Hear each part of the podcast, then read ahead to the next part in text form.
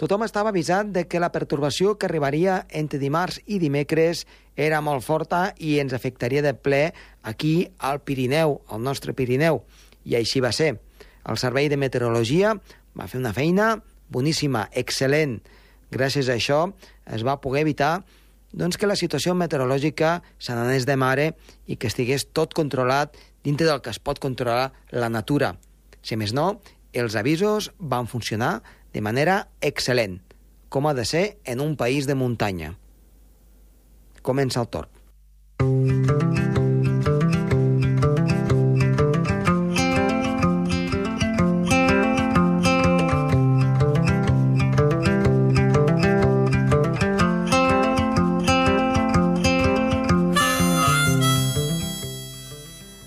Avisos que també van funcionar en d'altres indrets, en altres països, eh, però en aquest cas, malauradament, van provocar víctimes mortals per la imprudència d'algunes persones. Estem parlant, en aquest cas, eh, de l'àrea de Catalunya.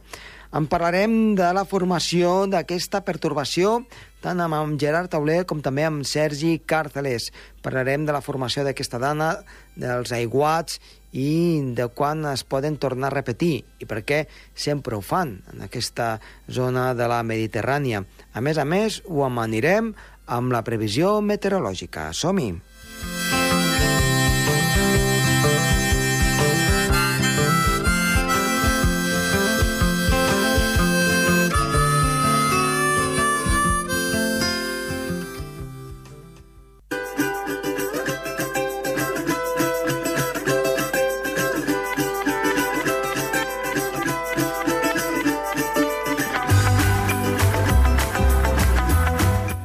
Iniciem el programa parlant amb Gerard Tauler. Gerard, molt bona tarda. Oh, bona tarda, Josep Tomàs. Doncs bé, ja sabem tot el que va passar al llarg de la jornada, en aquest cas de, de dimarts a dimecres, amb fortes precipitacions, llevantada aquesta perturbació molt activa, i volem que ens facis una mica doncs, de la teva àrea, de la teva zona, una mica el resum del que ha estat tot plegat.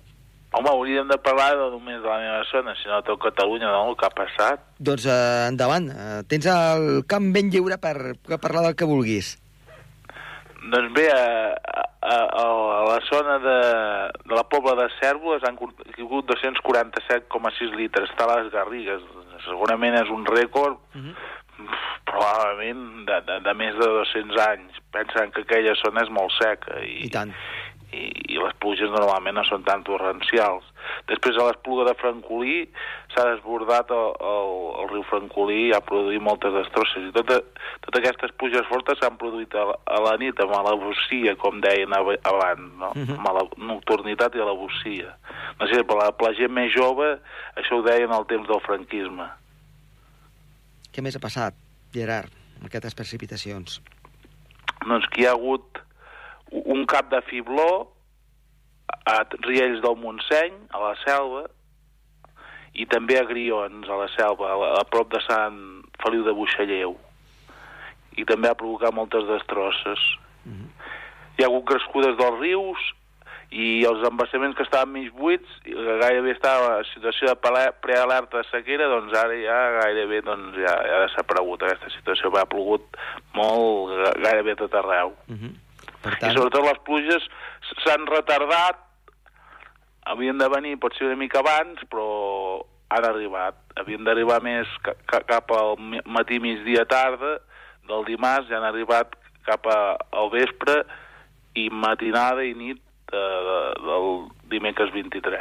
uh -huh. Però això ja passa a la meteorologia. S'ha criticat molt els meteoròlegs, què ha passat, però això ja és normal. Uh -huh. els Ja, avisos... ja ho sabem que és difícil la feina de meteoròleg i, i el, el, els professionals s'ha de reconèixer que ho teniu difícil. els, eh, els avisos estan eh, molt ben posats i, Sí. i bé, eh, a veure, els avisos a vegades es compleixen i a vegades no es compleixen.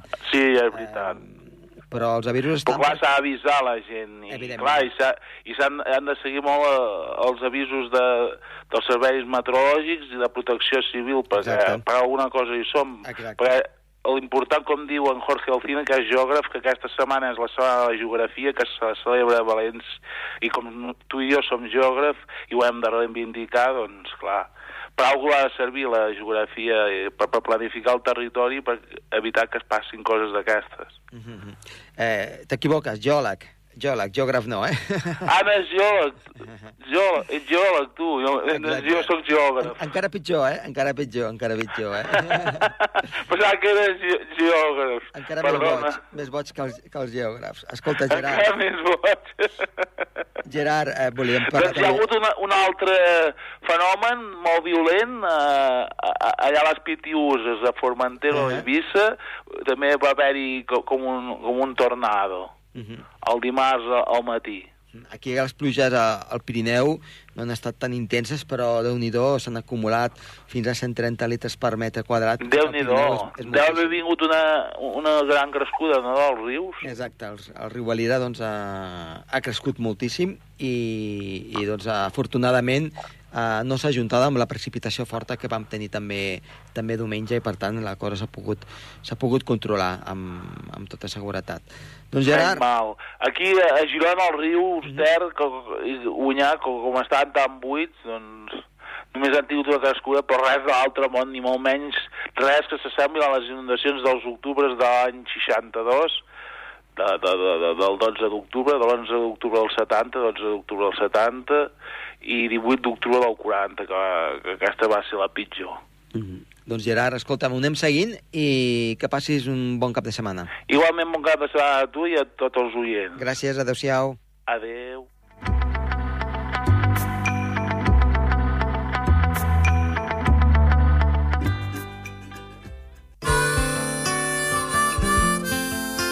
El Torb, amb Josep Tomàs.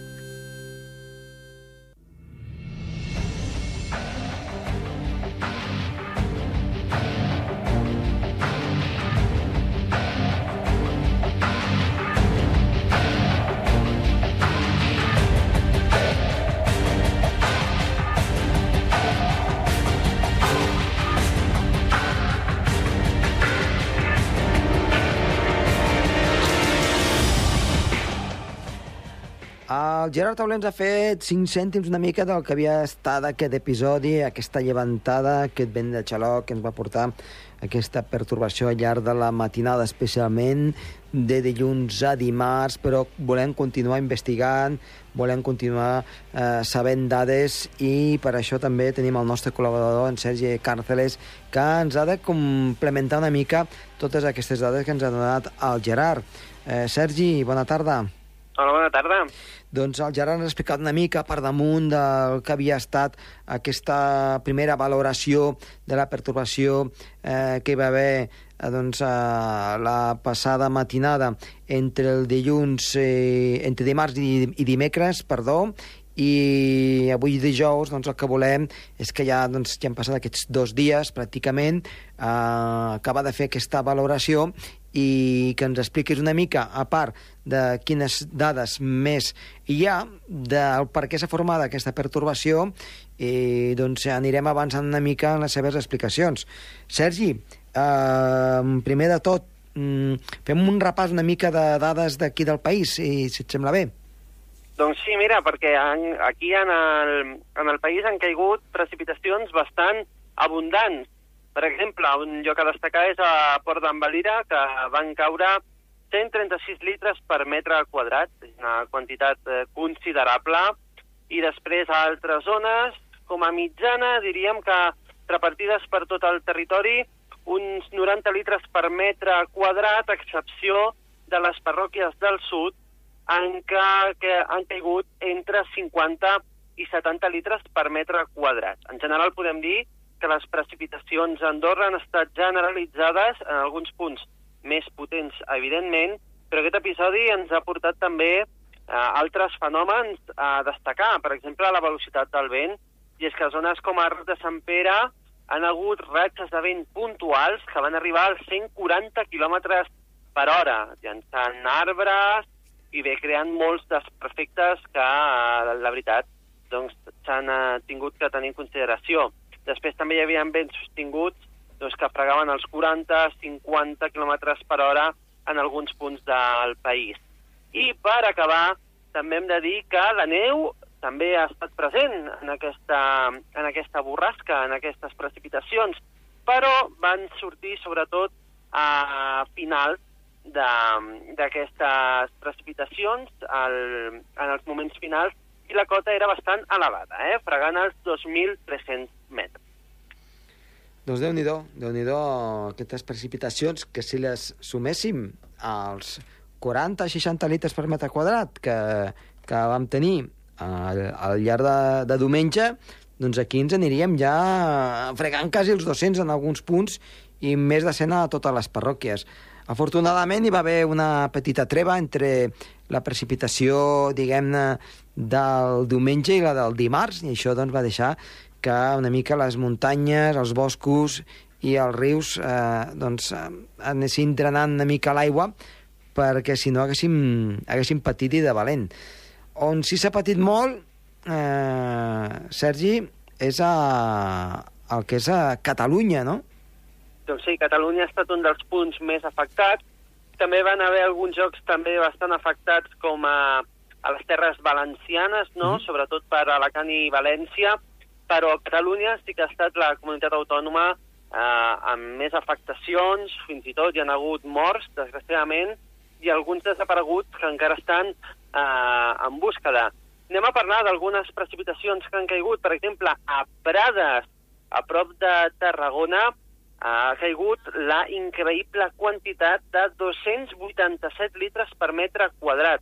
Estem parlant d'unes precipitacions molt fortes, a part van ser sostingudes durant llargues hores, una tempesta que es mantenia en el mateix punt i no es volia anar, uh -huh. i la veritat és que ha deixat uns valors tan grans que eh, diríem que el període de retorn a que pugui tornar a passar una cosa així ronda estadísticament d'un cop cada 200 anys.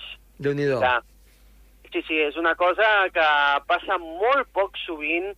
Evidentment tenim les dades que tenim, amb els anys que tenim investigats, però sí, sí, feia moltíssim temps, fins des del 1800, que no passaven algunes coses, algunes precipitacions així, i s'ha de tenir molt en compte. Però també hi ha altres jocs que va caure també molta precipitació, com a Vinyols i els Arcs, també amb 200 litres per metre quadrat, Ull de Molins amb 180, el Pantà de Siurana, Tivissa, Falset, tots aquests eh, jocs amb valors superiors als 150 litres per metre quadrat. No era només en un sol punt, uh -huh. sinó que sobretot es va acumular la precipitació a les Terres de l'Ebre i, diríem, les comarques tarragonines i també una mica les comarques de Lleida.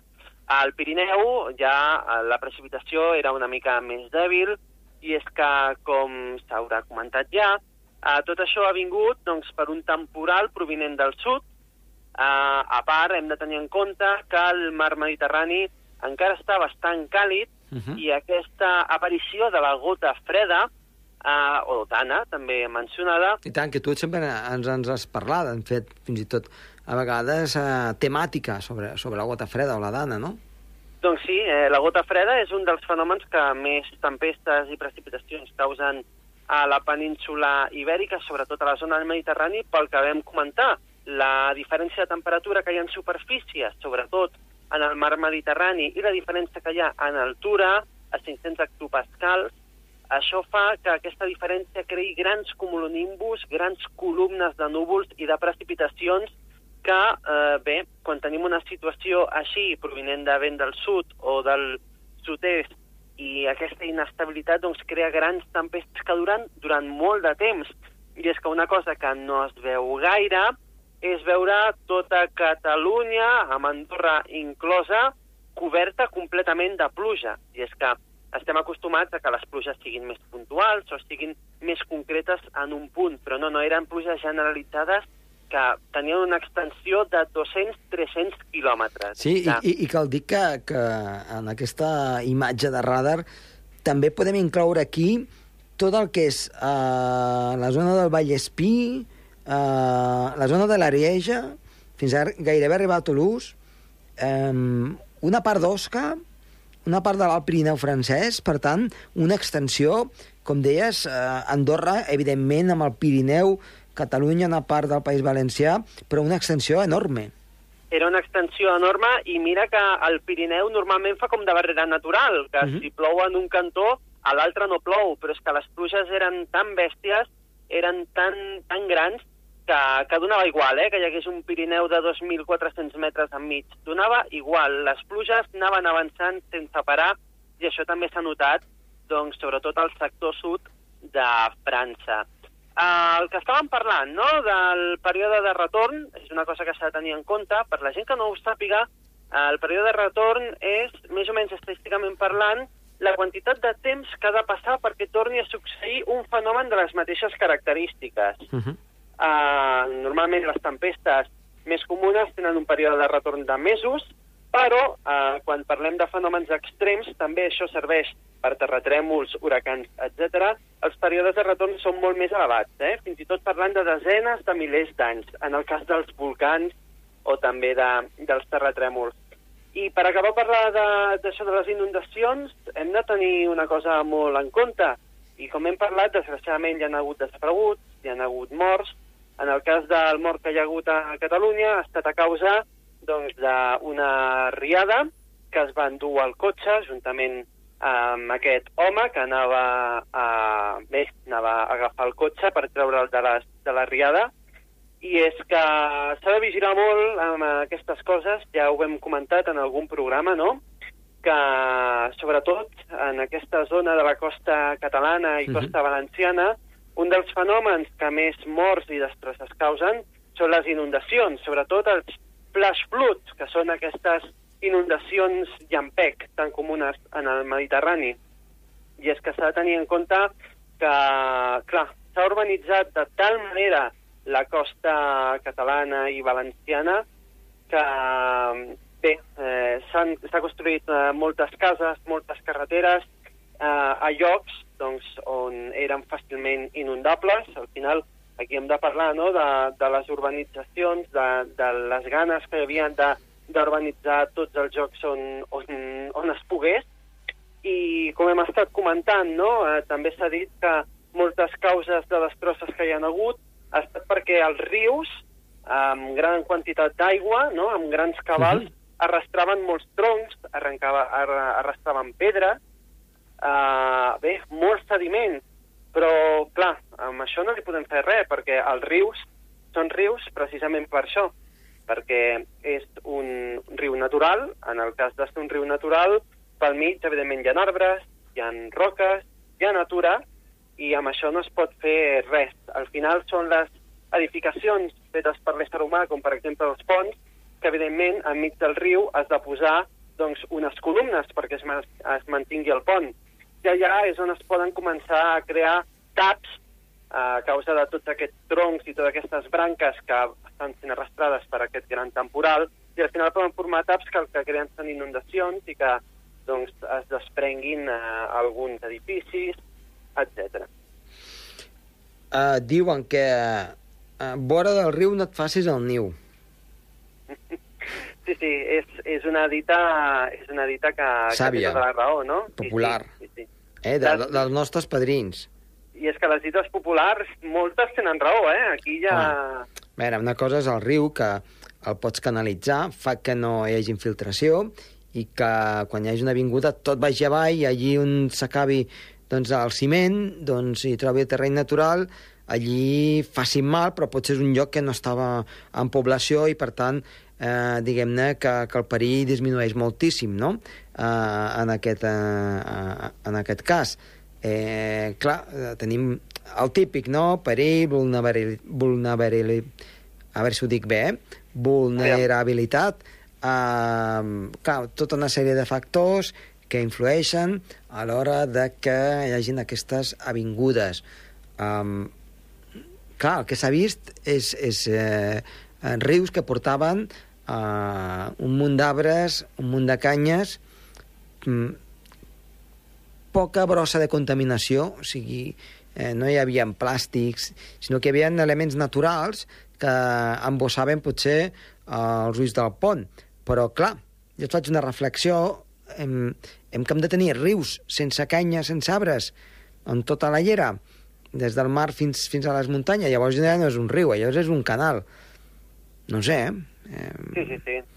clar, eh, eh, clar, podem veure, per exemple, el Llobregat, el Besòs, no? com a rius així una mica doncs, eh, que passen per llocs molt poblats i tots ja veiem quan creuen la ciutat de Barcelona com quina és la situació, la, la diguem-ne, la vegetació de ribera està substituïda per jardins, per parcs, pel que sigui, que en cas d'inundació doncs tira tot avall. Però més amunt, evidentment, eh, ja, ja el que és natural, no? Una altra cosa és que estigui brut per bosses, plàstics, etc etc etc. no? Però jo, pel que he vist amb les imatges d'aquestes grans inundacions, no és el cas. No, no, no, no. A part, els rius que han estat afectats tampoc eren dels rius més grans que, Exacte. hi ha a Catalunya. I a part d'això, clar, és que pensa que els rius més grans que hi ha aquí a Catalunya, la gran majoria tenen preses d'aigua. Llavors, eh, en certa forma, tots aquests grans rius, com per exemple el Ter, el Llobregat, el Besòs, eh, són rius que al tenir preses d'aigua més o menys es pot anar controlant quin cabal té, Mhm. a no ser que plogui moltíssim en un punt i llavors no es pugui controlar. Però, clar, ja només tenint eh, aquestes preses d'aigua, ja el que fas també és retenir tots aquests sediments en un punt i que no avancin més. Mm -hmm. Però, clar, no ha estat el cas, no ha estat el cas. No, que de fet, clar, eh, veies les imatges de Montblanc, per exemple, el riu Francolí, eh, que molta gent potser se n'en riu del riu Francolí, que baixa sempre molt poca aigua, però eh, des de sempre se sap que el riu Francolí quan baixa, baixa a l'ample, no? Eh, igual de Santa Tecla, Tarragona, eh, i vaja, mm, al llarg de la història d'aquest riu, eh, quan ha baixat ha fet molt mal, però veritablement no es veia que estés brut de, de, de contaminació humana, sinó que era contaminació, podríem dir, natural, branques, canyes, al normal d'una ribera, això no? Sí que es pot netejar una mica, evidentment, no? Però el que no es pot ser és de, eh, fer que no hi hagi vegetació, perquè potser seria pitjor. Eh, a millor s'emportaria més sediments i encara eh, ens embossaria més. Per tant, no, no, no. Potser el que hauríem de fer és no, no fer construccions al costat del riu i, i tenir-ho més en compte. Sí, és evident. El que passa és que va haver, va haver un boom immobiliari fa molt, molts anys i llavors doncs, es va sobretot doncs, eh, focalitzar aquestes construccions a vora de la platja, es van fer grans extensions d'urbanitzacions sense tenir en compte el riu Mhm. i molts cops doncs, creiem que canalitzant una mica el riu ja podem solucionar el problema però és que a part no només és canalitzar el riu, sinó que després s'han fet carreteres, s'han creat carreteres enmig d'una riera, que per molt que la riera la desviïs, eh, la natura al final sempre torna al seu lloc i quan té prou força per fer-ho, doncs acaba anant per on havia d'anar, que era per la riera. Mm -hmm. Molt bé, Sergi. Doncs escolta, anirem seguint, a veure, de moment anticicló per aquests propers dies i, i tranquil·litat i anirem, doncs, a, a, poc o molt treure'n l'entrellat de, de tot plegat d'aquestes jornades que han estat històriques a, a moltes zones. Sergi, doncs res més, fins la setmana vinent. Moltes gràcies, ara a descansar. Adéu-siau.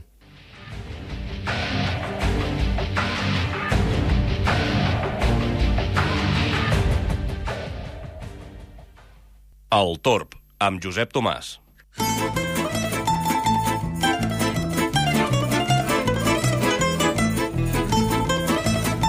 Doncs anem amb la previsió meteorològica per aquest cap de setmana que apunta tranquil, anticiclònic, fred al matí, això sí, amb algunes gelades a l'alta muntanya, però al migdia i també al llarg de la tarda, tant de dissabte com de diumenge, la situació serà de tranquil·litat i, per tant, amb temperatures que van a l'alça. Per tant, Fira d'Andorra la Vella, en aquest cas, no perilla per precipitació ni per temps inestable. L'anticicló ha de ser el que domini a tot el Pirineu i, en definitiva, a gran part de tot l'oest del que seria l'Europa occidental. Anticicló, situació de tranquil·litat, si van a la muntanya, un bon moment, perquè no es trobaran cap tipus de dificultat meteorològica, únicament al matí s'hauran d'abricar una mica més.